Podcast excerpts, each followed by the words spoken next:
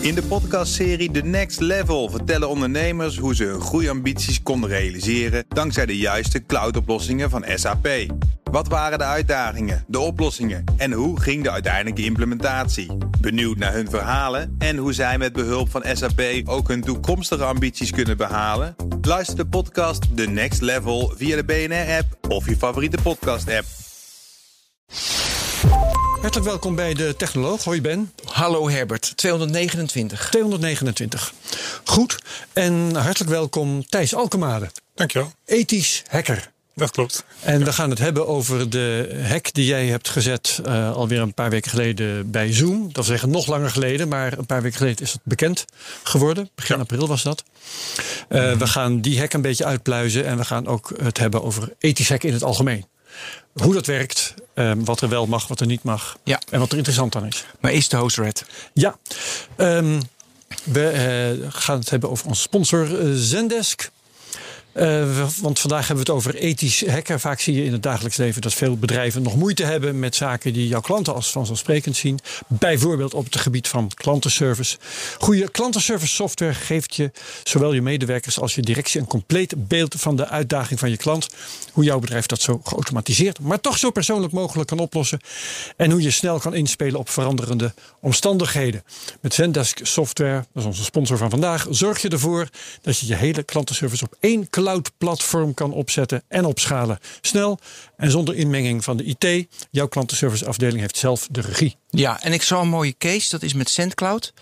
Dus die, uh, dat is een shippingplatform. Dus je hebt een pakketje en dat moet dan van de vervoerder. Uh, die moet bijhouden waar het naartoe gaat. Dat doet SendCloud. En dan kunnen ze dus met Zendesk kunnen ze dus die, die verzendingsgerelateerde vragen. Dus je hebt een vraag over je verzending. Ja. Kunnen ze dus aan de vervoerder die dat vervoert, kunnen ze dat dus allemaal in één dashboard bijhouden. Waardoor het verzenden en de veranderingen die optreden nog optimaler zijn. Dus dat is voor heel veel mensen handig, effectief, efficiënt en iedereen blij. Goed zo. Nu gaan we hacken. Ja, we gaan hacken. Thijs, wil jij eens uitleggen, daar moeten we maar over beginnen, um, hoe die uh, hack bij Zoom in zijn werk ging? Jullie ontdekten dat uh, als je Zoom gebruikte, dat je dan eigenlijk behoorlijk kwetsbaar bent of was. Dat is ook nog een punt waar we het over moeten hebben. Ja, um, we hadden een kwetsbaarheid gevonden waarmee het mogelijk was om eigenlijk via de functionaliteit van Zoom bij een andere gebruiker die computer helemaal over te nemen. Dus door alleen maar via Zoom uh, gegevens naar iemand te sturen, die hoeft er zelf nergens op te klikken, hoeft er niks te downloaden of te accepteren of iets. Uh, ja, konden wij die computer overnemen en dan kun je dus uh, ja, eigenlijk al, bij alle bestanden, je kan de camera aanzetten en wat dan ook. Ja, je moest daarvoor um, wel ingelogd zijn. Hè? Dat is een, het ja. enige vereiste eigenlijk voor uh, de, uh, het kwetsbaar zijn. Ja, je moet Zoom hebben draaien, je moet ingelogd zijn, maar dan ja, hoef je daarna verder niks meer te doen en dan kan iemand toegang krijgen tot jouw computer. Ja. Hoe, hoe, hoe had je die kwetsbaarheid ontdekt? Um, ja, dat is onderdeel van een competitie. Um, dat heet uh, Pwn to Own. Ik heb naar de video's zitten kijken. Gewoon de hele dag, negen uur lang. Ja, ik heb natuurlijk negen uur gekeken. Maar het is wel een aparte mooie wereld. Vertel. Ja. Dat was je. Um, het is een competitie die wordt uh, een paar keer per jaar gegeven. De laatste tijd uh, drie keer per jaar. Um, en dat gaat erover om in te breken op een systeem uh, wat zij van tevoren dan aankondigen. Dus die zeggen dan van nou, als je in weet te breken doordat iemand alleen maar een website bezoekt bijvoorbeeld. Of door een bericht te sturen via Zoom. Um, en als je dat kan laten zien in deze wedstrijd, dat zetten wij dan op. Als je dat kan laten zien, dan krijg je daar uh, een geldbedrag voor. En gezien de naam ook, je mag ook de computer die je dan hackt, mag je dan houden. Dus het idee is, je hackt de computer en die is dan ook van jou. Um, die wedstrijd bestaat al een aantal jaar, volgens mij 14 jaar inmiddels. En er zitten heel veel applicaties bij die best, best lastig zijn om, om te hacken. Dus we wilden graag een keertje meedoen. Maar het zag er nogal uitdagend uit. Dus we dachten van nou, misschien moeten we daar eerst wat meer op voorbereiden voor we dat gaan doen. En toen kwam in januari, toen kondigden ze dus de, de, die van dit jaar aan. En toen zagen we opeens dat er een nieuwe categorie bij was gekomen. Ze hadden Enterprise Communications toegevoegd. Daarin zaten zowel Zoom als Microsoft Teams. En we dachten van, nou, dat zijn wel interessante doelen. Want Oké, dus de, de organisatie die definieert wel de mogelijke doelwitten. ja, Je dus kunt er niet zeggen, ik heb hier eh, zelf een stuk software ergens ontdekt met een kwetsbaarheid eh, en, en dat lever ik in als werk. Nee, dat, zo werken ze niet. Ze zeggen eerst van tevoren van nou, eh, we, we hebben die- deze browsers bijvoorbeeld. Dus ze zeggen van als je Ja. Chrome weet te hacken door naar een website te gaan. Of als je de, ja, je rechten kan verhogen op een systeem. Eh, Tesla doet ook al een aantal jaar mee. Dus dat gaat dan over dat je op afstand inbreekt op een auto of via Bluetooth of wat dan ook. Eh, maar dit jaar dus ook hadden ze Enterprise Communications toegevoegd. Ja. En wij dachten van nou, dat zijn wel interessante categorieën voor ons om mee te doen. Omdat ja, die applicaties hebben veel minder aandacht gekregen voor security. Die bijna niemand gebruikte die tot vorig jaar. En nu opeens nu hebben ze 200 keer zoveel gebruikers gekregen. Ja. En hebben ze opeens heel veel meer druk op, op nieuwe features toevoegen. Dat security waarschijnlijk gewoon iets is waar ze nog geen tijd voor gehad hebben. Eh, dus toen zijn we naar allebei gaan kijken. En toen hebben we een beetje afweging gemaakt van nou willen we nou Teams doen, willen we Zoom doen. En toen hebben we uiteindelijk toch besloten om daarvan voor Zoom te kiezen. Niet echt een goede reden Gewoon hadden toeval. daarvoor. Een beetje meer van Ja. de type kwetsbaarheid dat we tegenkomen, daar hadden we gewoon meer zin in. Daar Ja, je wist dus niet van tevoren dat daar iets te halen viel. Nee, we hadden, we hadden echt geen idee van vermoeden. welke van de twee we zouden kunnen gaan hacken. Het is ja, we hadden geen informatie van tevoren daarover. Maar even voor mij duidelijkheid. Dus de, weet je, ik kwam op een. eh, ik kwam door jou alleen maar op obscure websites. Nou ja, nee, waar ik normaal niet kom. Maar dan zie je gewoon een top. Dat was een top 30 van bedrijven die dan zeggen van hé, hey, weet je, willen jullie daar naar kijken? Dus willen jullie dat hacken? De organisatie pakt dus gewoon dat soort casussen. Of hebben ze, verzinnen ze het zelf? Komt Dus, Dit dus verzinnen ze zelf. Dit is echt... eh, maar hoe komen ze erbij? Want kijk, je gaat niet. Kijk, dan hebben ze een vermoeden dat bij Zoom dat daar iets te halen valt. Dat bij Tesla iets te halen valt. Dus bedrijven vragen het zelf. Weet je, bug bounty-achtige dingen van eh, je kan winnen. Dus waar zit dat verschil? Eh, nou, deze organisatie, dat heet de Zero Day Initiative, ja, die kiest echt applicaties uit die heel veel gebruikt worden of waarvan heel veel impact zou kunnen zijn. Dus dat gaat dan over de, de, de, de meest bekende browsers, eh meest bekende besturingssystemen en dat soort eh, dingen. Dus ja, ze willen eigenlijk laten zien dat de software die jij dagelijks gebruikt, dat als je maar genoeg geld daarvoor over hebt, dan kan je altijd weer nieuwe kwetsbaarheden vinden waarmee je die computer helemaal over kan nemen. Ja, Dat is eigenlijk de inderdaad, een, een hacker met slechte bedoelingen had dit ook kunnen doen. Ja, En misschien doen ze het wel, want hè? misschien, dat weten wij niet. ja, precies. Maar is Zoom nu verrast of is Zoom niet verrast? Ik denk dat ze best wel verrast waren dat het, dat het gelukt was. Ja, dat vind ik En mooi. zijn te ze blij? Ze, ze waren heel blij om ervan te weten. Natuurlijk, het is, het niet fijn natuurlijk dat zo'n kwetsbaarheid erin zit. Maar ja, ze- als Ja? het erin zit, dan willen we het natuurlijk liever wel weten. Hebben ze jullie bedankt? Eh, ja, best wel. Eh, we, hebben natuurlijk een call gehad met hen om het, eh, om het allemaal te bespreken. En ze waren erg tevreden over hoe we dit uitlegden en hoe we het eh, rapport erover hebben laten zien aan hun. Dus ja, ze, ze vonden het Eh, maar fijn. jullie hebben een geldbedrag gewonnen, maar dat was van de, van de, van de wedstrijd. Hè? Dat was niet van Zoom dat je dat, je dat kreeg. Eh, Zoom is in dit geval ook een sponsor van de wedstrijd. Dus we weten Oh. niet helemaal zeker. Maar in principe betaalt de wedstrijd dit uit. ja. Heb je het geld al binnen trouwens? Het ging om een ton, hè? Eh, twee ton in dollars. Ehm, nee, we hebben het nog niet binnen. Oké. Daar gaan we wel wat stappen overheen. Oké. Nou Ja, weet je, box 1, belasting. joh. Is, Ja, maar eh, dat, goed, het is, dat is eh, een, een grapje dat ik daarover begin. Ehm, maar die kwetsbaarheid, bestaat die nou nog op dit moment? Dat weet ik niet zeker. Er is maandag een nieuwe update uitgekomen van Zoom. En ik heb nog niet de tijd gehad om te kijken of die is opgelost. Nee, want op het moment dat dit in de krant kwam, of eh, in het nieuws kwam, eh, dat was dus, ik geloof, eh, 7 april of daaromtrent. Toen werd gezegd, ja, ze hebben nu 90 dagen om het te verhelpen. Ja. Ehm, en dat is, eh, is, is dat de kwestie van responsible disclosure? Dat jullie eh, ehm, de hack publiceren als, eh, over negen, na 90 dagen als ze hem niet hebben Nou, verholpen? dat is in dit geval eigenlijk de organisatie die zegt... na 90 dagen publiceren wij het. Ah zo. Ehm, omdat ja, het is nu al bekend dat er een bepaald type kwetsbaarheid in zit. Dus iedereen Ja. zou er naar op zoek kunnen gaan. criminelen Dus is denken, oké, we zullen eens even kijken of wij... Het is wel belangrijk om dat snel op te lossen natuurlijk. Ik heb heel erg behoefte om even in detail te gaan. Ik ga naar Zoom, ik ben ingelogd. Wat doe jij dan? Ehm, Ik ga naar mijn computer. Ik heb hier eh, dus mijn Mac hier staan. ik kan nog, naar- dus nog niet de details geven, omdat we, we- voor zover we weten is nog niet opgelost. Precies. Ehm, maar in principe sturen we wat berichtjes naar jou. We sturen wat dus jij zoomt dingen. dan met mij. Um, dit, het, gaat, uh, het gaat niet over de, de meeting functionaliteit van Zoom. Dus het is niet een videocall. Maar er zit in Zoom ook functionaliteit om een chat met iemand te hebben. Ja. Dus uh, ja, wat we wel hebben laten zien al in die livestream is dat we een boel berichtjes moeten sturen. We moeten een paar plaatjes sturen. En op een gegeven moment zie je dan een, uh, een invite voor een. Heel even wachten. Als ik jou niet ken, waarom zou ik dan gaan, gaan chatten met jou? Of jij doet je voor als iemand ik kan me voordoen als iemand die jij kent. Of uh, ja, het kan zijn dat je, uh, als je een meeting met iemand gehad hebt, dat je nog iets wilt nabespreken. Precies, weet die naam niet precies. Oké, ja, dus stuur je berichten? Uh, dus we sturen een aantal berichten naar iemand. we sturen wat plaatjes naar iemand. En dan komt er een call invite. Dus dit, dit was te zien op de stream, dus dat mag ik wel toelichten. En daarna hadden wij die computer overgenomen. Dus je hoeft er niet eens die invite te accepteren, maar zelfs. ja. Het sturen van die call invite. Het sturen was. had je mijn computer al overgenomen. Ja.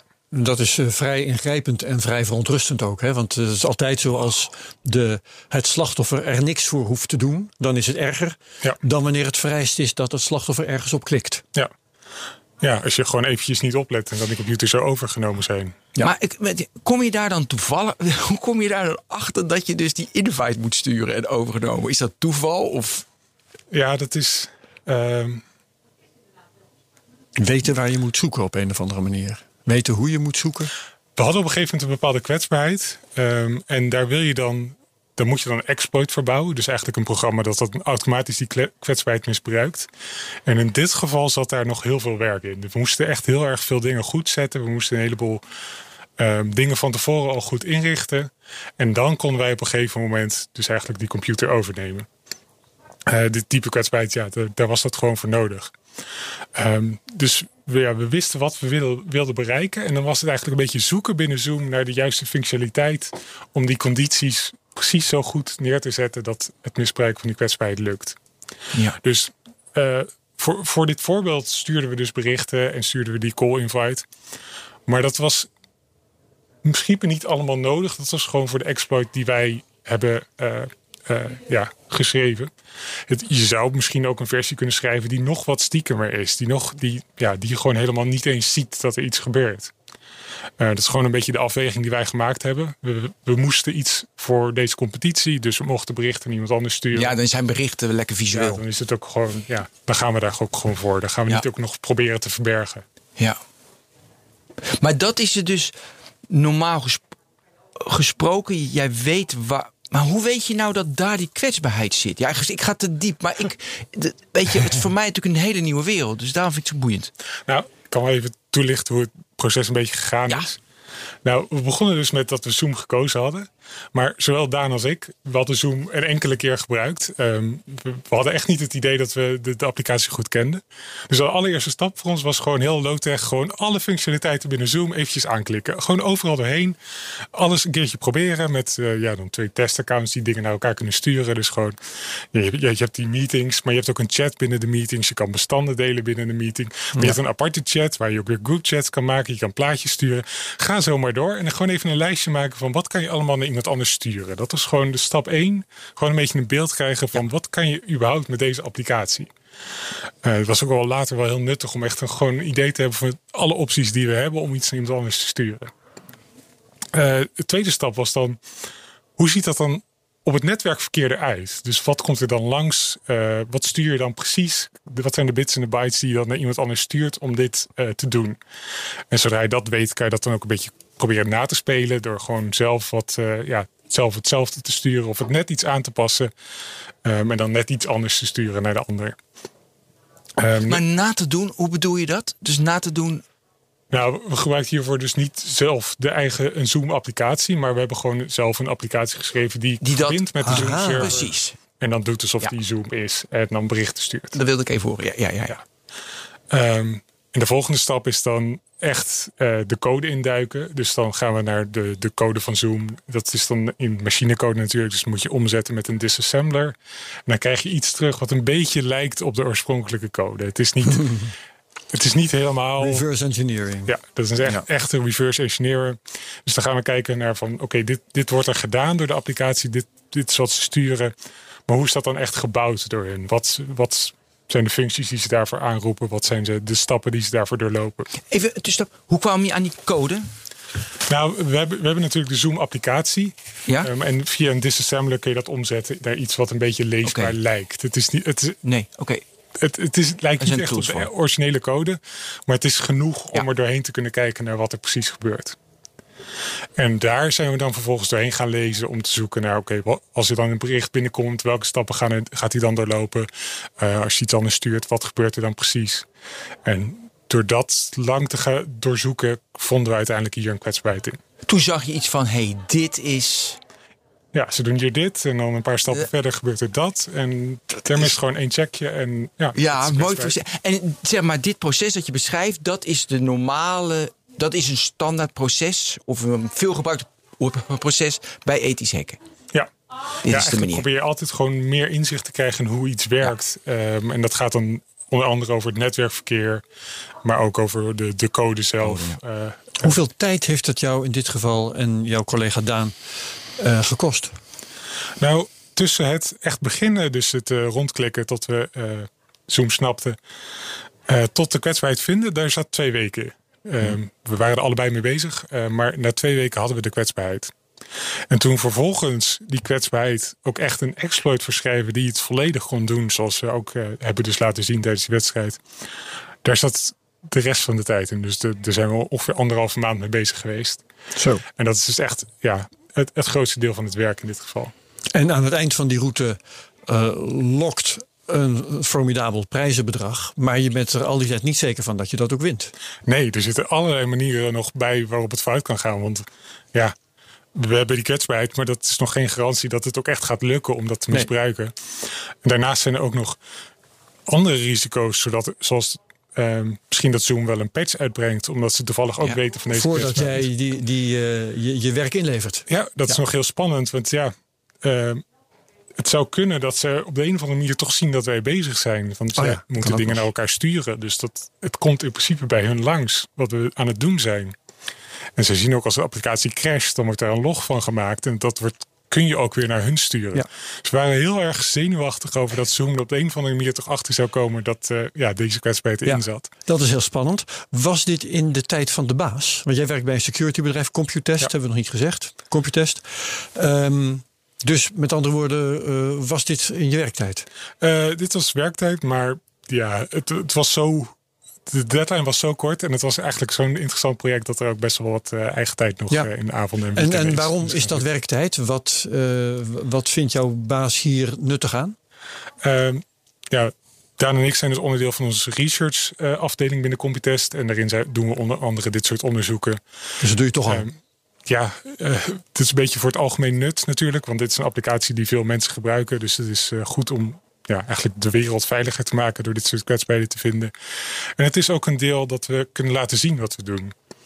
Want je veel- aan het publiek, aan, eh, aan de wereld. ja, want als Ja, we een test doen voor een klant, ja, die willen het rapport zo geheim mogelijk houden. Dat, er zijn allerlei kwetsbaarheden in, in hun website. Dat, dat, daar mogen we nooit iets Ja, over ja, vertellen.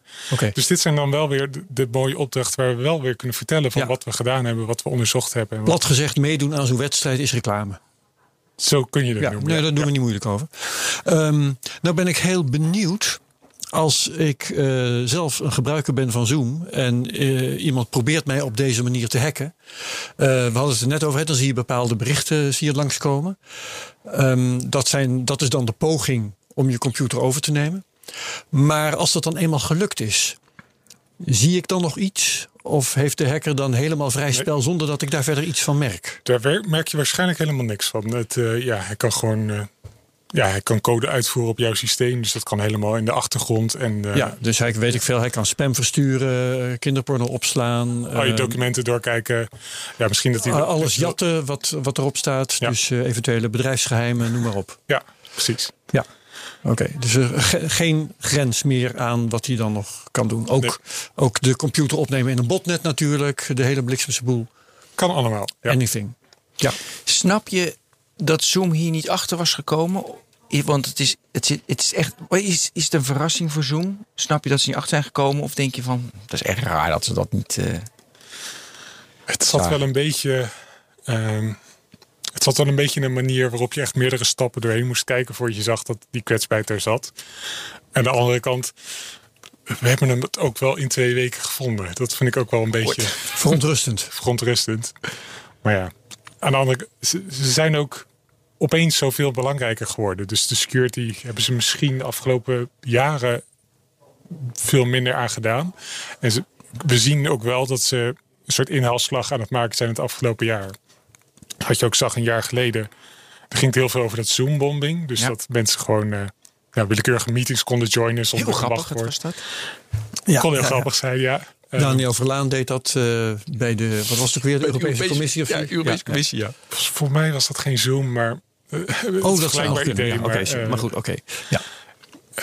Ja, maar daar hebben ze toen wel hele goede maatregelen genomen om dat tegen te gaan. Dus ze zitten nu echt, eh, ja, als je in zo'n meeting start, dan zie je ook weer duidelijke security opties van eh, hoe je meeting is ingesteld, of je een wachtwoord nodig hebt. En eh, ze waarschuwen heel goed Ja. dat je dat niet zomaar weer openzet. Ik heb wel het idee dat Zoom hun security ook wel echt meer serieus aan het nemen is. Maar ja, dan zitten er dus nog wel verstopte dingen zoals dit kan erin zitten. Ja. Ja. Ja. Heb je een bestemming voor het prijzengeld? Gaat dat gewoon eh, op jouw bankrekening? Misschien koop je er een huis voor of zo? Of gaat het naar een goed doel? Wat, wat ben je van plan? Een deel daarvan investeren we weer in onze researchafdeling. Ehm, Krijgt de baas het geld eigenlijk? Of jij persoonlijk? we, we hebben een verdeling gemaakt. Een verdeling gemaakt. Oké, netjes. Ja. Ehm, een deel gaat naar de researchafdeling, zodat we meer onderzoek zoals dit kunnen doen. En eh, ja, we mogen ook zelf wat houden. Ik, eh, ja. ik weet nog niet wat ik ermee ga doen. Ik zat te kijken naar een nieuwe iMac, maar ik weet het nog niet. Oké. Die kleurtjes. Nou, die kleurtjes, ja, dat was wel een beetje... Hoe vond je het? De kleurtjes? Ik heb, ik heb de, de, Ja, we, nemen even voor de, we nemen op twee dagen na de, de Apple-evenement. Apple-evenement. ik heb het even- evenement zelf niet gezien, eh, dus ik heb alleen maar de kleurtjes. Oh ja, de kleurtjes gezien. Ik ben nog niet overtuigd. Nee, dat snap ik. Voor jou het moet gewoon zwart zijn. Ik, heb, ik heb het volkomen gemist. Maar Apple gaat weer eh, computers in kleurtjes uitbrengen, begrijp ik? Ja, de- ja, precies. De iMac en er ko- komen iPad Pro's met, eh, met een verschrikkelijk goed. Oh ja, de M1-chip erin. En ik vond... ja, wil je die even vertellen? Want ik moest aan jou denken. Tijdens het Apple-event ehm, hebben ze namelijk dat keyless... eh, dat, eh, zeg maar het, eh, zeg, het toetsenbord kan je met je vinger kan je die eh, openen, wordt Ja. bedienen voor, voor de iMac. Jij hebt in februari op Twitter zag ik een hele dat je met, met mijn vinger, daar zat ook een kwetsbaarheid in. Of daar was iets. Dat is een mooie case, die zag ik op Twitter. Kan je daarover over vertellen? Ja, dat is goed. Ehm, dat was zo dat eh, op het moment dat jij een nieuw wifi-netwerk, als je op een nieuw wifi-netwerk komt, dan gaat hij kijken van, zit hier, dat heet dan een captive portal. Dat, is, dat zie je vaak in hotels of in de trein ook, dat je eerst eventjes de voorwaarden moet accepteren voordat je die wifi mag gebruiken. Ehm, er zat een fout in, in hoe dat werkte. Of eigenlijk, ja, eh, het zat een beetje raar geïmplementeerd. Ehm, en door een bepaald iets te doen op de pagina die die opende, kon je ervoor zorgen dat de gebruiker werd gevraagd om in te loggen via, of eigenlijk via Touch ID of Face ID zichzelf te authenticeren naar zijn telefoon. Dus jij opent een nieuw, eh, of je verbindt met een nieuw wifi-netwerk, er komt een nieuwe pagina en dan zegt je telefoon: wil je eh, autoriseren via je Touch ID of Face ID? En als je dan intrapt, als je ja zegt, of je alleen maar je vinger erop op hoeft te houden eigenlijk, ehm, dan kreeg dus eigenlijk die, de, de aanvaller, dus degene die dat wifi-netwerk had opgezet, Wow, dat geluid. Praat nou gewoon door hoor. Ja, we gaan Die gewoon collega door. Daniel gaat proberen dat boren Je kreeg te de stoppen. credentials voor jouw iCloud-account. Dus die eigenlijk- eigenlijk toegang tot jouw iCloud- iCloud-account. Ik kon dus ja, met de, de gegevens die jij in jouw iCloud hebt, allemaal inzien of aanpassen. Ongelooflijk. Ja, En hoe was je daar? Want ik had er vlucht er doorheen gelezen. Hoe was je erachter gekomen? Is het, eh, het is nu opgelost, dat las ik wel. ja die hebben ze heel snel opgelost toen. Ja, Ehm, ja ik zat een beetje te kijken naar. ehm, het is dus een feature binnen, binnen iOS. Je, ziet het niet heel veel, maar als je op je iPhone naar een eh, Apple site gaat, dus bijvoorbeeld naar iCloud, Ja. dan kan je dus inloggen via Touch ID of via Face ID. Het is een beetje raar om dat op je iPhone te doen. Ehm, Nou ja, maar het is ook hierop. Hè? Ook ja, op het werkt ook op, op nieuwe MacBooks tegenwoordig. Ja. Ehm, en dat vond ik wel een grappige feature, want het is wel een beetje raar dat opeens je, je telefoon dan iets gaat doen met een webpagina. En die manier waarop dat met elkaar communiceert, vond ik een beetje raar. Dus toen ging ik er naar kijken en toen zag ik van hé, hey, dit is eh, raar geïmplementeerd. Eigenlijk gewoon Waarom raar? Wat zie je dan waardoor jij, jij concludeert? Want ik denk, ja, prima, fijn, makkelijk. Maar jij concludeert, dat is raar. Het is gewoon een. eh, het, het, is dan gebaseerd op een bepaalde standaard, een OAuth, een manier waarop je in kan loggen op, websites via een andere. Uh, ja, dus je ziet vaak dat je in kan loggen via Google. Uh, dat is een soort standaard zoals OAuth. En die gebruikte zij. En daar zitten gewoon wat bekende fouten in die, die veel gemaakt worden. En zij had er dan ook eentje gemaakt. Waardoor eigenlijk elke site van Apple kon dit uh, gebruiken. Dus het is eigenlijk ja, ik zag al vrij snel dat, dat dit daarin fout ging. En dan is het alleen nog maar eventjes uitwerken van oké, op welke manier kan je dat dan ook misbruiken in dit geval. Mooi. Um, zullen we het gaan hebben, of jij moet Ben, nog meer specifieke dingen over ethisch hacken in het algemeen? Ja, prima. Um, want het, uh, de term ethisch hacker, die uh, zie ik vaak voorbij komen. Ik heb er ook wel ideeën bij natuurlijk. Maar uh, nu we jou toch hier hebben, wil ik wel eigenlijk graag weten: is dat een beschermde titel? Uh, wanneer is hacken ethisch? Uh, nee, vertel eens wat daarvoor. Iedereen een andere mening heeft over wanneer hacken wel en niet ethisch nou, wat vind is, jij dan? Uh, hoe, wanneer ben je ethisch bezig als hacker? Ik denk dat. Regels. Er zijn een aantal regels die, die de meeste mensen het wel over eens zijn. Um, misschien eerst goed om te zeggen van wat er juridisch gezien wel niet is toegestaan. Ja.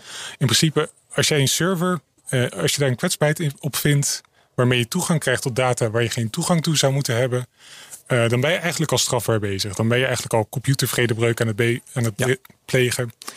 Um, en dat, ja, dat, dat kan wel heel snel zo zijn. En het is ook strafrecht. Dat betekent dat er hoeft niet eens aangifte gedaan te worden. Um, je kan ook gewoon zomaar vervolgd worden zonder aangifte. Dus er was een half jaar geleden, geloof ik, dat iemand toegang kreeg tot het Twitter-account van Trump. Mm -hmm. Gewoon een simpel ja, Nederlander was dat, zeiden uh, Victor Gevers, geloof ik. Ja, en mag naar 2020 was het toch? Zoiets was het. Heel, heel simpel. Maga, ja. Um, en toen is er dus ook door het OM volgens mij onderzoek gedaan of, of dat strafbaar, of, er, ja, of die vervolgd zou worden of niet, zonder dat Twitter of Trump daar ook maar enige aangifte van gedaan heeft. Dus als je op een of andere manier toegang krijgt tot data waar je niet toegang toe zou moeten hebben, dat, ja, dat is, dat mag wel eigenlijk niet. Ja. Dit is een voorbeeld dat iemand bewust zoekt, want dat vindt hij leuk, want dan is hij stoer. Heb je ook voorbeelden dat dat gebeurt?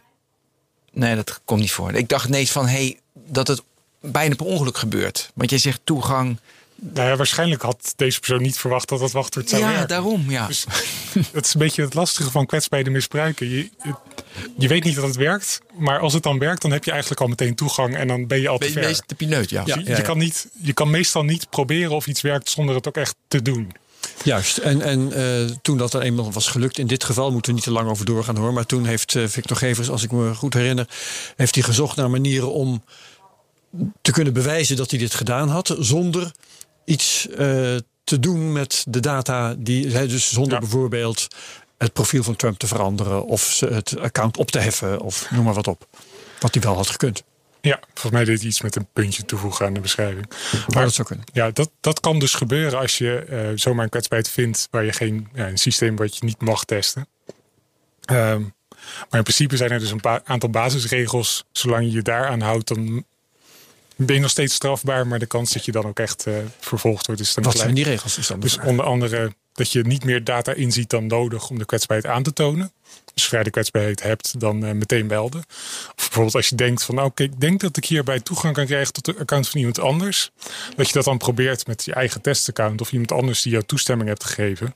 Dat je niet bij data komt van een willekeurige persoon, maar dat je gewoon alleen maar je eigen data inziet of de data van iemand uh, die toestemming gaf. En dat je het bedrijf ook gewoon tijd geeft om die kwetsbaarheid op te lossen. Ja, dat is die responsible disclosure. Ja, vaak wordt dan gezegd 90 dagen. Uh, ja, daar is ook heel veel discussie over of Ja. dat te veel is of juist weer te weinig. Zeker, maar dan neem je contact op en zeggen we, we hebben iets gevonden, dit en dat. Zo zit het in elkaar. Ehm, en ga het maar repareren. En als je dat eh, over 90 dagen niet gedaan hebt, dan publiceren wij. Zo gaat het toch, Ja. hè? Ja. De, de, de redenatie daarachter is dan, ja, als het over 90 dagen niet opgelost is, dan lopen gebruikers nog steeds risico. Dan is er een grote kans dat iemand anders het gevonden heeft. Dan willen wij gebruikers eigenlijk adviseren om dit niet meer te gebruiken. En dat vindt het bedrijf natuurlijk nooit leuk. Want ja, je wil niet dat Ja. mensen geadviseerd worden om iets niet te gebruiken omdat het niet veilig is. Dus vandaar dat er altijd wat discussie is over die 90 dagen of dat nou echt goed is of niet. Dus veel bedrijven zullen zeggen van nee, 90 dagen dat is onzin. Eh maak er 120 van, maak er een jaar van. eh zijn zo lang bezig als nodig. Terwijl researchers dan weer liever hebben van ja, liever 90 of 30. Ja, waarom niet? Ja, want eh, ieder, hè, je, jij bijvoorbeeld hebt dan zo'n kwetsbaarheid gevonden. Uh, had een uh, kwaadaardige hacker ook kunnen, uh, voor elkaar kunnen krijgen. Misschien heeft hij het al gedaan. Ja. Dus wat dat betreft is één dag eigenlijk nog te weinig. Zo zou je het ook kunnen zien, ja. ja. Maar, ja dus die 90 is een compromis. Ja. En dat is een soort industriestandaard, om het maar zo te noemen. Zo kan je het wel noemen, ja. ja. ja. Oké, okay, dus dat. Um, er zal een groot verschil zijn, denk ik, tussen. Uh, want wat jij nu vertelt, dat uh, is eigenlijk het geval wanneer je uh, op eigen gezag aan het rondkijken bent naar kwetsbaarheden. Ja. Maar jullie bij, nou ja, als security researchers bij Computest of bij welk bedrijf dan ook, doen dit soort dingen ook in opdracht. En dan liggen de kaarten natuurlijk heel anders. Ja, dat is heel anders. Dat is, het is bijna niet te vergelijken eigenlijk. Omdat dan werk je altijd gewoon met de, de bedrijf samen. Ja, en dan weten misschien de medewerkers van het bedrijf niet dat er een ethisch hacker uh, actief is, maar het bedrijf zelf weet dat wel. Meestal wel. Um, je, hebt er, je hebt een soort aantal vormen van de manier waarop je een test kan doen. Um, dat wordt dan vaak blackbox, greybox en whitebox genoemd. Blackbox, dan weet je eigenlijk van tevoren niks. En dan ga je een beetje door. Uh, uh, dan krijg je een URL bijvoorbeeld. en dan is het zo van, nou, ga je gang maar, zoek het maar uit. En whitebox, dan heb je bijvoorbeeld ook accounts. Je hebt misschien toegang tot de code. dat soort informatie heb je dan wel. Een greybox zit er een beetje tussenin. Dan heb je vaak wel accounts, maar geen toegang tot de code. Um, veel bedrijven denken van nou, we willen een blackbox test. Want dat is een goede simulatie van hoe een echte hacker dan te werk gaat. Dus uh, die komen dan met die vraag oorspronkelijk bij ons. Maar dat is meestal ook niet de juiste aanpak. Want dan kan het best zijn dat we een week bezig zijn geweest.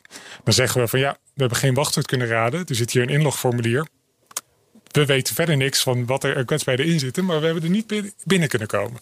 En dan kan het best zijn dat er wel een beheerder is die een slecht wachtwoord heeft. Uh, het kan zijn dat die dan volgende week gelekt wordt. Ja, dan kan de aanvaller alsnog binnenkomen en misschien daar heel veel kwetsbaarheden vinden die wij dan niet gezien hebben. Ja. ja. Dus we adviseren meestal om een greybox test te doen. Dus dat we wel accounts krijgen van, en dan meestal ook alle soorten accounts. Dus als er beheerders zijn, dan kijken ook naar wat de beheerder kan. Maar ook gewone gebruikersaccounts. En dan kunnen we wel ook zeggen van, nou ja, een aanvaller zonder account had dit uh, ook kunnen vinden. Maar dat kunnen we dan zelf simuleren. Van nou, oké, uh, we weten nog helemaal niks. Wat zou die aanvaller zonder gegevens kunnen doen? Dus, uh, ja, in die zin is het heel anders dan zo'n onderzoek als bij Zoom, waar eigenlijk ja, we kunnen wel een account aanmaken, we kunnen wel de applicatie downloaden, maar we krijgen van Zoom kregen we niks. Nee, dat is echt, ja. We hebben ze nog eentje vraag gesteld, we kunnen jullie ons uh, met, met, dit helpen? En toen zei ze van nee, sorry, dat kunnen we niet doen. Oh. um, dus ja, we hadden geen extra informatie in dat geval en ook geen medewerking van Zoom. Um, en bij andere applicaties of andere testen die we vanuit Computest doen, is dat, dat eigenlijk altijd wel het geval. Maar dus even weer hoe dat gaat bij Black. Je krijgt een URL bnr.nl. Dan ga je dus hetzelfde als bij Zoom. Je gaat rondklikken, je gaat kijken alle functionaliteiten, die schrijf je allemaal op. En dan ga je kijken hoe je kan interacteren met die website. Ja. En dan ga je hem, uh, en dan ga je hem na, de, uh, en dan ga je simuleren. En dus zo ga je ook weer te werk. Ja, voor websites eigenlijk Eigenlijk komt het op hetzelfde neer. Ja. We willen eerst een goed beeld hebben van wat zit er allemaal aan functionaliteit in. Precies hetzelfde. Zit Dus. hier een contactformulier bijvoorbeeld. Nou, dan kan ik eh, dingen invullen en kijken wat er gebeurt. Dat Zit er een manier om uh, reacties te plaatsen of uh, dat soort dingen. Al dat soort functionaliteiten waarbij je wat gegevens op kan sturen. Dat zijn altijd wel interessant. Dus het is altijd heel belangrijk om eerst een goed beeld te hebben van wat je allemaal kan. Uh, wat, wat voor functionaliteiten er allemaal zijn. En dan vervolgens wat dieper gaan graven van hoe werkt het dan precies. Uh, wat, wat gaat er dan helemaal verkeer heen en weer met de browser voor jouw website? Zit die, mag ik even Zit die, want jij bent al even bezig. Kun je me iets vertellen over die ontwikkeling in hoe secure het is? Want voor mij is nu natuurlijk veel, het was zoveel aandacht. We hebben constant hacks en scrapes en wekelijks, bijna dagelijks ligt weer alles op straat. Dus ja. de, vanaf de buitenkant denk je van jongens, let even op, doe even normaal. Uh, of er zijn natuurlijk veel meer uh, geen ethische hackers, hackers actief, dat snap ik ook. Dus, maar kun je vertellen hoe die, de klanten die je hebt of de bedrijven die je ziet, of dat wel echt dat ze nu beter opletten dan drie, vier, vijf jaar geleden? Of is het nog echt wat je in de pers ziet van mensen te weinig aandacht? Ik denk dat het sowieso te weinig aandacht krijgt. Maar we zien ook een soort ontwikkeling naar elke, elke keer als er nieuwe technologieën bij komen, dan komen er ook weer nieuwe soorten kwetsbaarheden bij. Dus we zien heel veel applicaties die bijvoorbeeld dan eh, migreren naar de cloud. Ja, dan heb je weer andere soorten kwetsbaarheden die misschien eerder gewoon helemaal niks deden of eigenlijk niet interessant waren. Die opeens als je in een cloud draait, opeens wel een hele grote impact kunnen hebben. Ehm, en ook weer andere nieuwe type kwetsbaarheden die erbij komen. Dus aan de ene kant zijn er ook nog een heleboel bedrijven die gewoon eigenlijk heel weinig doen aan een security. Dus die eigenlijk nog, ja, waar eigenlijk oude kwetsbaarheden, oude type kwetsbaarheden ook gewoon nog steeds in blijven zitten. En die komen ook nog steeds tegen. Maar we zien ook weer, ja, toch wel een verschillende bedrijven die beter worden. Maar ja, die dan weer nieuwe technologieën hebben waar ook weer andere kwetsbaarheden in zitten. Ja. Je was gebleven, meestal is het gray. Ja. En so, want, want daar was je gebleven en soms wit. Je krijgt een account, je krijgt alles. Hoe, en dan ga je weer hetzelfde te werk. Want dan heb, je, dan heb je white, dus je kan alles doen wat je wil. Whitebox, dan hebben we vaak toegang tot de code ook. Dus dan kun je wat specifieker gaan zoeken hoe iets werkt. Maar in principe kijken we dan nog voornamelijk naar de applicatie zelf. Dus welke functionaliteiten hebben we hier? Um, dus in die, in die zin is het nog wel hetzelfde. Je kan alleen iets beter uitzoeken hoe iets dan onder water geïmplementeerd is. Dus waar bij Greybox we af en toe moeten gaan raden van nou, ik denk dat hier zoiets zit. Kunnen we dat in Whitebox gewoon meteen uitsluiten of meteen zien van oké, dit gaat hier fout. Dus in die zin is het vaak een soort snellere manier om dingen te checken. Ja. ja. Je, jullie krijgen dus opdrachten. Nou, dan bepaalt de opdrachtgever uh, wat je wel of niet mag gaan bekijken. Maar um, bij het vrije werk, waarbij je zelf bedenkt van nou, waar, waar zullen we eens een keertje naar gaan, het, het, het researchwerk, hoe zoek je dan je bezigheden, je projecten uit? Ja, we hebben eigenlijk twee soorten onderzoek wat we doen. Uh, we hebben langlopende projecten, zoals Zoom was. Um, we hebben ook gewoon, gewoon af en toe dat we gewoon een kwetsbaarheid tegenkomen door gewoon toeval eigenlijk. Um, dus bijvoorbeeld die iPhone, uh, iCloud kwetsbaarheid. Ja, dat was in een paar uur had ik door dat daar iets verkeerd zat. Ja, dan, dan werkt het nog eventjes uit. Maar ja, daar ben je niet maanden mee bezig met zoiets. Um, dus die, die Zoom. Even en je Apple met, met allemaal mensen die, die allemaal proberen het goed te maken. En er zit er iemand gewoon in Nederland. Ja, in een paar uur werkt ik dat even uit. En toen. Ja. dat is wel heel grappig. Ja. Ja, het is toch dat, een andere manier om er naar, naar, te kijken. Dus ja, ja precies. Apple heeft ook wel echt wel teams die, die dit kunnen. Eh, maar ja, ze hebben ook gewoon zo'n breedte uh, ja, maar dat is dus precies wat je. De manier waarop je kijkt. En wat natuurlijk voor ons interessant is, is van hoe kijk jij dan waardoor Herbert en ik en heel veel mensen in de wereld niet zo kijken. Dat kan je natuurlijk van jezelf moeilijk zeggen, want je doet het. Maar dat is natuurlijk wel het geheim van de smid. Wat maar ik wil ook nog reageren op wat jij zei. Um, uh, ze proberen het veilig te krijgen en dan wandelt er zo'n Nederlander naar binnen. en die, weet je wat het is? Dat is ook zo'n wet van de, van de security. De beveiligers ja. moeten alles dicht zien te timmeren. Hè? Niks mag er in feite door. Terwijl als, uh, als aanvaller hoef je maar één gaatje te vinden waar je doorheen kan kruipen. En dat, is, uh, dat is een soort dat is een ongelijke strijd ja. eigenlijk. Ja, toch Thijs? Ja. Maar toch, weet je, ze kunnen natuurlijk ook... Ze kunnen zelf natuurlijk 10.000 aanvallers inhuren. Maar het, ze vinden het dus niet zo belangrijk dat ze het gewoon ja. een, uh, gratis door een Nederlander laten doen. Ja, dat is ook de verhouding. Thijs? Ja, dat ja, maar kijk, als een, als een klant jullie voor. Uh, pak hem, ik weet niet precies hoe dat gaat, hoe dat, uh, wat voor contracten er worden afgesloten. Maar ze huren jullie bij wijze van spreken voor een week in of zo. Meestal uh, ongeveer ja. een week, ja. Um, dan vinden jullie iets. Je vindt altijd iets, hè? Of niet? Bijna altijd. Al. Bijna altijd. Als jullie voor twee weken in, of, of gewoon een maand later weer een week, dan vind je weer iets. Ja, we, we proberen voor de testen die we in opdracht doen, proberen we altijd wel zo uitputtend mogelijk te zijn. Dus we, we hebben dus bijvoorbeeld een hele lijst met kwetsbaarheden die we heel vaak tegenkomen. We proberen ze wel echt allemaal af te lopen. Dus ons doel is wel ervoor te zorgen dat als we, uh, als ze alles oplossen en ze komen een maand later weer met uh, kun je het nog een keer doen, dat er dan niks nieuws uitkomt. Okay, ja, het kan natuurlijk altijd dat ze bijvoorbeeld uh, door het oplossen van een kwetsbaarheid een nieuwe kwetsbaarheid introduceren. Ja. Of dat het net niet helemaal volledig is dat wat ze gebouwd hebben. Maar even, uh, Thijs, uh, misschien weet je het niet, maar de GGD of de RIVM, iedereen weet van jongens, die, die, daar mag even niks nu gebeuren hè, op kwetsbaarheden op IT-gebied. Dat willen we even niet. Dat is niet zo handig qua stemming in het land. Daar lopen toch wel, misschien niet voor Computest, maar toch wel heel veel teams nu rond om kwetsbaarheden te vinden, hoop ik. Ik denk het wel. Ja, Ehm, precies, gelukkig. Maar kijk, dat GGD-lek, dat is natuurlijk een heel ander soort probleem dan echt een kwetsbaarheid. Dat is gewoon Ja. een, een, Daar wil ik het toch over hebben hoor. Dat verschil. policy probleem. Gewoon een Ja. bestand dat Ja. op straat is terechtgekomen. Ja, maar dat verschil is er natuurlijk wel. Want hoeveel kwetsbaarheden zijn er nog? En hoeveel, of het is verkeerd gebouwd, of is een beetje social engineering. veel. Hm? Oneindig veel. Er zijn oneindig Ja, veel. oneindig veel. Maar wat nu hoor je natuurlijk alleen maar over de social engineering. Weet je, alles wat er is. Ik hoor vaker dat, het, dat mensen fouten maken. dan dat er een kwetsbaarheid ergens in zit. Ja. Matthijs knikt hoor, want anders denken mensen. Ja, voor de videokijkers. Ehm, het is een beetje moeilijk ehm, dat echt te vergelijken. Want ja, iemand die één fout maakt, kan natuurlijk ook. Dan ligt meteen de data op straat. Ehm, maar ja. eh, bij de GGD zat er gewoon echt in het ontwerp zat gewoon, hadden ze er gewoon geen rekening mee gehouden dat mensen niet dingen moeten kunnen exporteren en dat er goede logging moet zijn.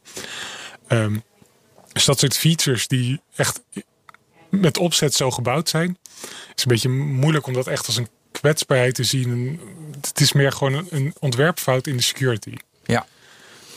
Ja. Wat ik nog zou willen weten, eh, want dat eh, realiseerde ik me net toen je aan het praten was, dat ik die vraag misschien niet goed genoeg had.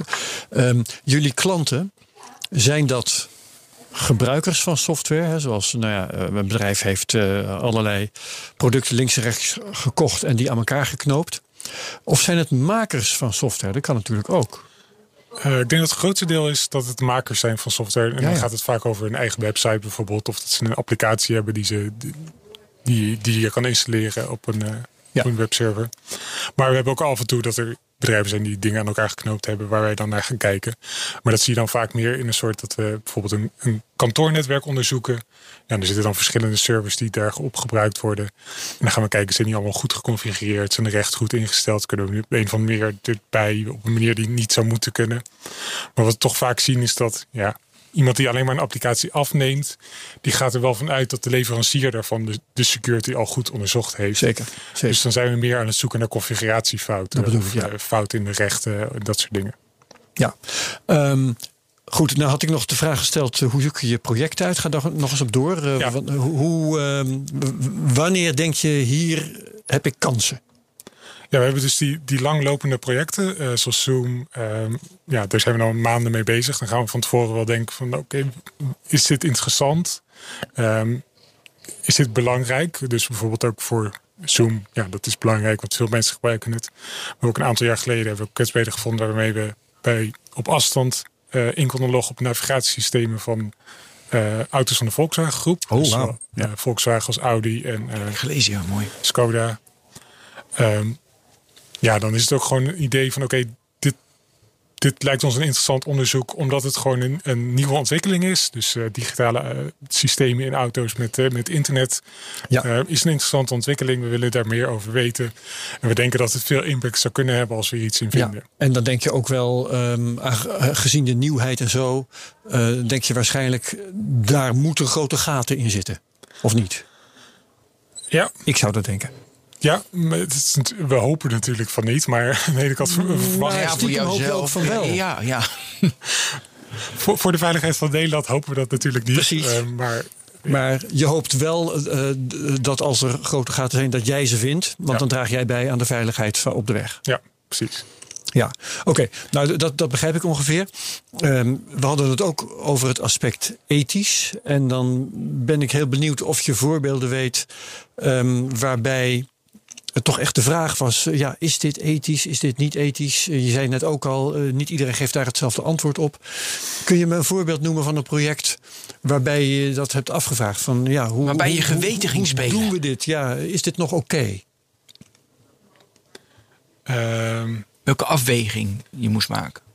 kan het van onze eigen research kan ik niet echt zeggen van ja, als het als het Mag dacht ook, dat van, mag ook van elders. was, dan hadden Iets we waar discussie opgehouden. over was in je vak. Ehm, maar als je gewoon algemeen kijkt, dan is, vond ik een heel interessant voorbeeld. Dat was in januari was eh Parler. Eh dit eh, Ja, Parler, echt- het Twitter-alternatief, ja, social media site waar al die Trump supporters heen Zit gingen. weer in de App Store hè, sinds deze week. Hartstikke zag fijn. het. Ja.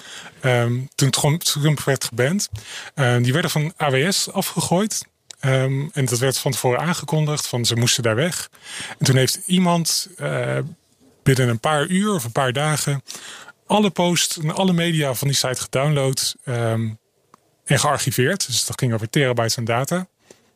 En ja, dat klinkt misschien niet als hacken, maar het is scraping.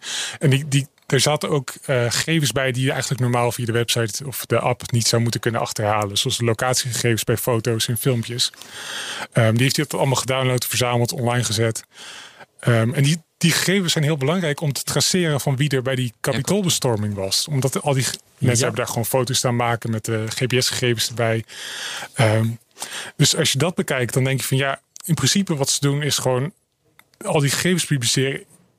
Is, is dat nou ethisch? Ja, als het, die gegevens waren al publiek, die waren alleen maar. Uh, nou, als er een andere site zou gaan, dan zou je waarschijnlijk zeggen van niet. Maar in dit geval, ja, het helpt toch met het opsporen van de mensen die dat gedaan hebben. Dus ja, wat dat betreft dan weer wel. Ja, maar wat jij zegt, Herbert, het was al openbaar. Ja, en het was uit de GPS-gegevens van die foto's. Oh, niet. niet. Dat hebben ze toegevoegd. Ze, die, die aanvaller wist op de een of andere manier de, de originele bestanden te achterhalen, wat niet de bedoeling was geweest. Dus het was niet allemaal publiek. Een groot deel wel natuurlijk, maar niet. Dat is inderdaad een, een interessante case. Ja. En daar was, waren jouw collega's het ook over oneens. Is daar veel discussie over geweest? Of ze dat nou wel of niet hadden mogen doen? Of was het duidelijk dat ze dat eigenlijk niet hadden mogen doen?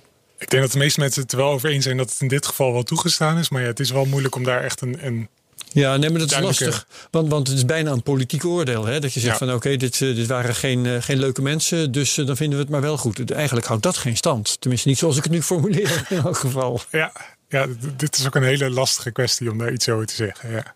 ja.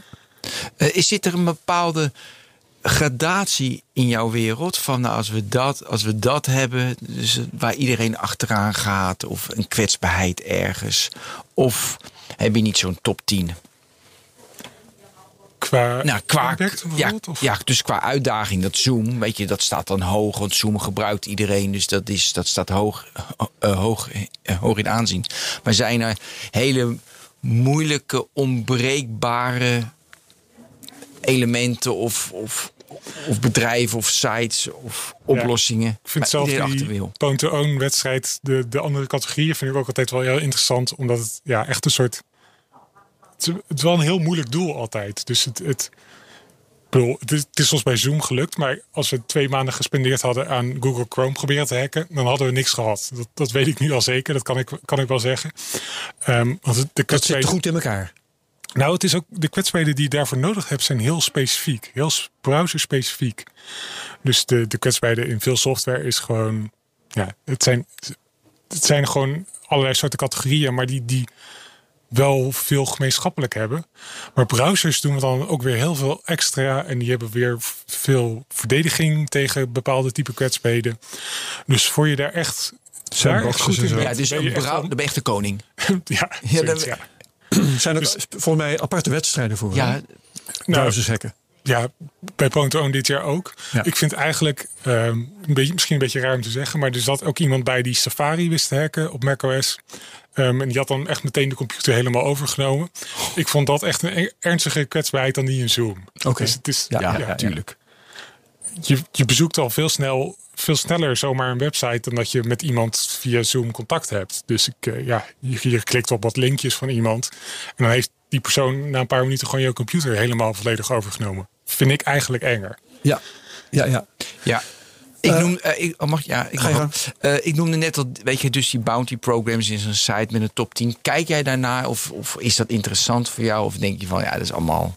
de meeste gevallen um, moet je best wel lang zoeken voordat je een bedrag hebt dat echt leuk is. Ik bedoel, als extra bijverdiensten zou het wel leuk zijn, maar ja, de, de bedragen die daar, daar vaak betaald worden, dat...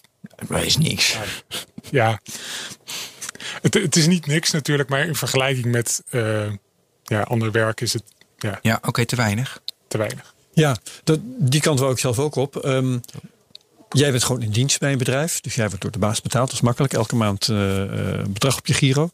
Um, Maar zijn, de, de- wij horen ook van, van ethisch hackers die leven van bug bounties. Hè. Dan moet je gewoon eh, elke keer eh, bij eh, Google of eh, verzin maar een softwaremaker. eh, moet je met je kwetsbaarheden lopen leuren. En dan moet je hopen dat, dat ze naar je luisteren en dat ze het goed genoeg beoordelen. En dan moet je nog maar afwachten wat voor Ja. eh, beloning ze daarvoor uitkeren.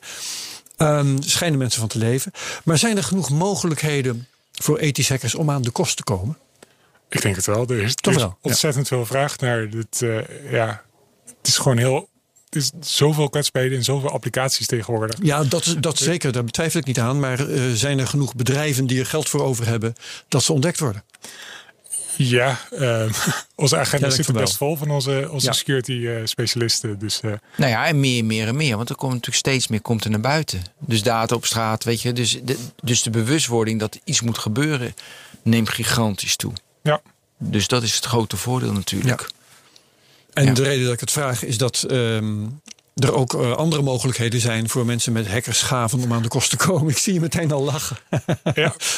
Is de verleiding van de andere kant erg groot? Onder jouw eh, voor mij niet. soortgenoten, vakgenoten, collega's? Voor jou niet? Mijn, mijn collega's, voor zover ik weet, ook niet. Het is gewoon. Ja, kijk, wordt, de, de deur wordt bij jou niet platgelopen door eh, headhunters met zwarte hoeden op. nee. Nee. Ik heb gewoon zelf geen, geen enkele behoefte aan dat geld moeten witwassen of ehm, me heel erg anoniem eh, dingen te gaan Nee. doen. Eh, ja, daar heb ik gewoon geen zin in. Nee, is dat, gewoon dat geldt de voor jou persoonlijk. Dat geloof ik onmiddellijk. Maar eh, enig idee of daar in jouw vak, of dat een factor is?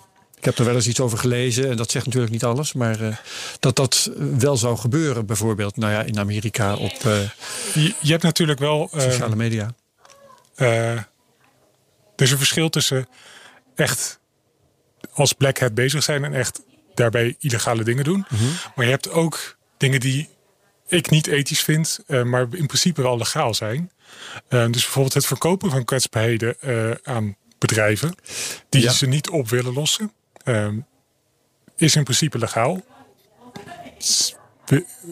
Er zitten wat haken en ogen aan. Dus Moreel op het randje. Ja, dat- eh, Ja. Geen juridisch advies. Ehm, maar in principe is daar niks illegaals aan. Ehm, ik vind het zelf alleen niet ethisch. Dus er zijn ook bedrijven die waarschijnlijk wel hadden willen betalen voor deze Zoom-kwetsbaarheid. Ah, zo, ja. Waarschijnlijk dan ook nog wel een nulletje meer dan wat Point Own betaald heeft. Ehm, maar ja, dan weet je niet hoe die kwetsbaarheid gebruikt gaat worden. Dat, Nee. dat kan tegen eh, journalisten in het Midden-Oosten ingezet gaan worden. En ja, daar sta ik gewoon echt helemaal niet achter. Dus dat zou ik zelf nooit gaan doen. Maar er zijn ook genoeg andere hackers die daar geen problemen mee hebben. En die Ja, ja, dus wel aan die partijen verkopen. Ja. Oh, oh, dus er zitten partijen tussen. Dus als jij dus die, dus die, eh, dus die kwetsbaarheid bij Zoom kan je aan een derde partij verkopen en die gaat dan onderhandelen met Zoom. Dat Nee, zij- ehm, eh, in, de- in dit geval voor de contest zat er iemand tussen. Dat is eh, die Zero Day Initiative. ja, ja, ja, ja. Ehm, die eh, heeft het dus ook gemeld bij Zoom. Tuurlijk. En die koopt inderdaad normaal kwetsbaarheden in die ze dan wel melden. Ehm, en de- ja, dat gebruiken zij dan ook weer om een eigen software daarvan te ontwikkelen die die nieuwe kwetsbaarheden kan detecteren. Maar er zijn ook bedrijven die kwetsbaarheden inkopen die die niet melden. En die dan weer doorverkopen aan bijvoorbeeld regimes in het Midden-Oosten die ja, journalisten willen hacken en dat soort dingen. Dus jij vindt, ik even als individu, jij vindt een kwetsbaarheid, ja? Dan eh, bijvoorbeeld bij Facebook, even een hele grote, is, die is moeilijk, je hebt hem eh, dus gevonden. Je kan dan naar een bedrijf toe die dan die kwetsbaarheid verkoopt. Ja, dat. Ik weet niet, Facebook of ze daar veel voor over zouden hebben. Dat gaat vaker meer over eh, telefoons of eh, browsers. Dus dat je gewoon eh, naar een specifiek, vaak dan telefoonnummer, gewoon iets kan sturen. En dan heb je die telefoon overgenomen. Dat type kwetsbaarheden gaat het meer over dan een kwetsbaarheid bij Facebook. Ehm, maar ja, die bedrijven die bestaan. En het is in principe ja, blijkbaar niet illegaal. Ja, maar als ik toch een database eh, op de dark web aanbied, dat is toch illegaal? Eh, met allemaal, eh, dus met allemaal telefoonnummers. Ik moet een beetje daaraan denken nu. Ja, maar je, je verkoopt alleen maar de informatie over de kwetsbaarheid. Je verkoopt niet Nee, oké. data die je niet zou mogen hebben. Dus data, Dat zit er weer tussen, snap je? Ja, en data- daarmee kan je weer data die, die je gestolen hebt, ja, daar mag je niks mee doen. Dat is gewoon Ja, precies. niet toegestaan. Maar als je alleen maar zegt, op deze, door deze, deze kwetsbaarheid te gebruiken, kan je die data daar stelen. Ja. Dat mag. Dat, ja, het is alleen maar informatie over hoe je iets kan doen. Ja. Het is niet zelf op zichzelf Ja. eh, gestolen informatie. Goed. Jeetje. Ehm, wat, Wat- hebben we nog? Ken jij, eh, ken jij voorbeelden van, eh, van hackers die ehm, hun witte hoed hebben afgezet en een zwarte hebben opgezet? Ik denk niet dat heel veel hackers dat zelf zo zouden vertellen dat ze dat gedaan hebben. Nee, hè? ik denk Nee. andersom juist weer, ja, dat, daar heb je wel wat gevallen van. Ehm, Dus die eh, eh, naar de goede kant zijn overgelopen. ja, eh, Marcus Hutchings, geloof ik. ehm Malware Tech heet die online. Die ontwikkelde vroeger malware. En dan vooral gericht op het stelen van bankgegevens van, van machines. Ik weet niet of hij die ook echt zelf verspreid heeft, maar hij, hij bouwde de software om dat te kunnen doen. Ehm, die heeft op een gegeven moment besloten van ja, dit wil ik niet meer doen. Dit vind ik niet meer ethisch. En die is toen zelf begonnen met malware van anderen gaan eh, reverse engineeren om te kijken hoe dat werkt en om mensen daartegen te beschermen. Dus die heeft ook bijvoorbeeld toen tijdens de WannaCry, die ransomware aanval, vond hij toevallig een manier om ervoor te zorgen dat dat werd uitgeschakeld eh, door een bepaald domein te registreren. Dus die heeft die aanval op die manier stop kunnen zetten. Ehm, dus ja, die was eerst eh, niet ethisch bezig. Ja. En op een gegeven moment toch wel besloten dat hij ja, liever gewoon wel. eh, Ja, dat is een mooie verhaal natuurlijk als het eh, deze kant op gaat. En Ja, Ja. Eh, kun je iets vertellen over de competitie in jouw scene? Want voor mij is die competitie best wel van... ik heb iets ontdekt en die gaat er overheen. En onderlinge rivaliteit. onderlinge rivaliteit. Ja, Of valt het best wel mee? Maar aan de andere kant is iedereen ook wel geïnteresseerd in snappen hoe iets werkt. Want iedereen wil er ook weer van leren. Dus ehm, ja, er is best wel wat competitie. Maar wat we ook heel veel zien is dat er heel veel aandacht is voor als je de technische details van iets wil vertellen. Of eh, mensen willen heel graag weten hoe je iets gedaan hebt. En misschien willen ze dan ook zelf zoiets gaan doen. Of dat ze daar, daar weer zelf van dingen van kunnen leren. Dus voor mij voelde het niet echt als een soort competitie, maar meer als gewoon iedereen wil laten zien wat ze kunnen. En het is misschien wel een beetje opscheppen natuurlijk. Maar dat het ook, ook wel meer gericht is op het, ja, het, het, het, eh, kunnen leren van hoe je eh, dingen Ja. hebt gedaan. En daar weer van anderen van kunnen leren. Waar zitten jullie? Op welke sites? Nou, dat komt in de show notes, maar ik vind- ben, ben gewoon benieuwd. Ja, ik denk dat ik de meeste informatie over, over wat er plaatsvindt eigenlijk via Twitter haal. Gewoon mensen die, die daar dingen op Ja. posten. Dus het is niet, ik kan niet echt één site noemen of zo. Nee, oké, je zit niet obscuur. eh nou ja, omdat ik wat sites vond, dat ik dacht van, goh, wat, eh, weet je, dat is waar, waar ik normaal niet kom. Dus, dus ik dacht, misschien hebben jullie speciale communities waarbij eh, iets Wat, gebeurt. wat Nee, ik eigenlijk aan het begin had moeten vragen, dus realiseer ik me nu, wil ik eigenlijk best graag weten. Hoe, hoe ben jij geworden wat je nu bent? Eh, Ja, heb, hoe word, je, hoe word je nou zo? Ja, Hoe was je dat? Topvraag. Ethisch hacker. ik heb eh, wiskunde en informatica gestudeerd. Ehm, en eigenlijk een beetje buiten mijn studie om was ik wat bezig met open source projecten. En daarbij kwam ik in aanraking dat ik af en toe een kwetsbaarheid in iets tegenkwam. Dus ik, eh, ik zat dan de code van een bepaald project te lezen. En dan zag ik van, nou, dat- hier gebeurt dit en dit en dit. Oh, dat is eh, niet de bedoeling. Eh, er gaat iets fout daar in deze specifieke gevallen. En dat meldde ik dan. En dat werd dan gepubliceerd. Van, oh, Thijs heeft hier een kwetsbaarheid gevonden. Dat vond ik eigenlijk wel leuk om te doen. En ik zag mezelf voor ik bij Computers solliciteerde ook eigenlijk niet als hacker. Ik zag mezelf meer ja, een beetje code reviewer. Het is, Ja. ik, ik, ik was altijd wel geïnteresseerd in het zoeken naar kwetsbaarheden. Maar het echt misbruiken, en zeker het misbruiken tegen anderen, dat was niet iets waar ik mee bezig was toen. Dus ik ben eigenlijk op die manier ben ik een beetje ingerold door het, het zoeken naar kwetsbaarheden in software die, die ik gebruikte of waar ik mee bezig was. Ehm, en dat, ja, dat proces vond ik gewoon heel interessant. Ja, en toen dus deze baan gevonden. Eh, Het was gewoon een vacature die je tegenkwam. Een eh, Ja. personeelsadvertentie. ja, voor een eh, ethical hacker bij, bij Computest. En de rest is history. Mooi. Jij nog wat, Ben? Nee, ik ben, ik ben helemaal tevreden. Hadden we iets moeten vragen wat we niet hebben gevraagd, Thijs? Nee, ik denk het niet. Goed. Dan dank ik je heel hartelijk. Ja, Thijs Thijs, van. Computest. Herbert, bedankt. Ben van den Burg, ook bedankt. Ja. En dit was de Technoloog. Heel graag tot volgende week bij de volgende Technoloog. Dag allemaal.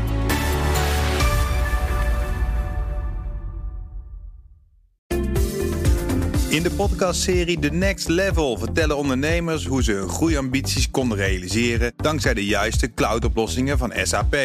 Wat waren de uitdagingen, de oplossingen en hoe ging de uiteindelijke implementatie? Benieuwd naar hun verhalen en hoe zij met behulp van SAP ook hun toekomstige ambities kunnen behalen? Luister de podcast The Next Level via de BNR-app of je favoriete podcast-app.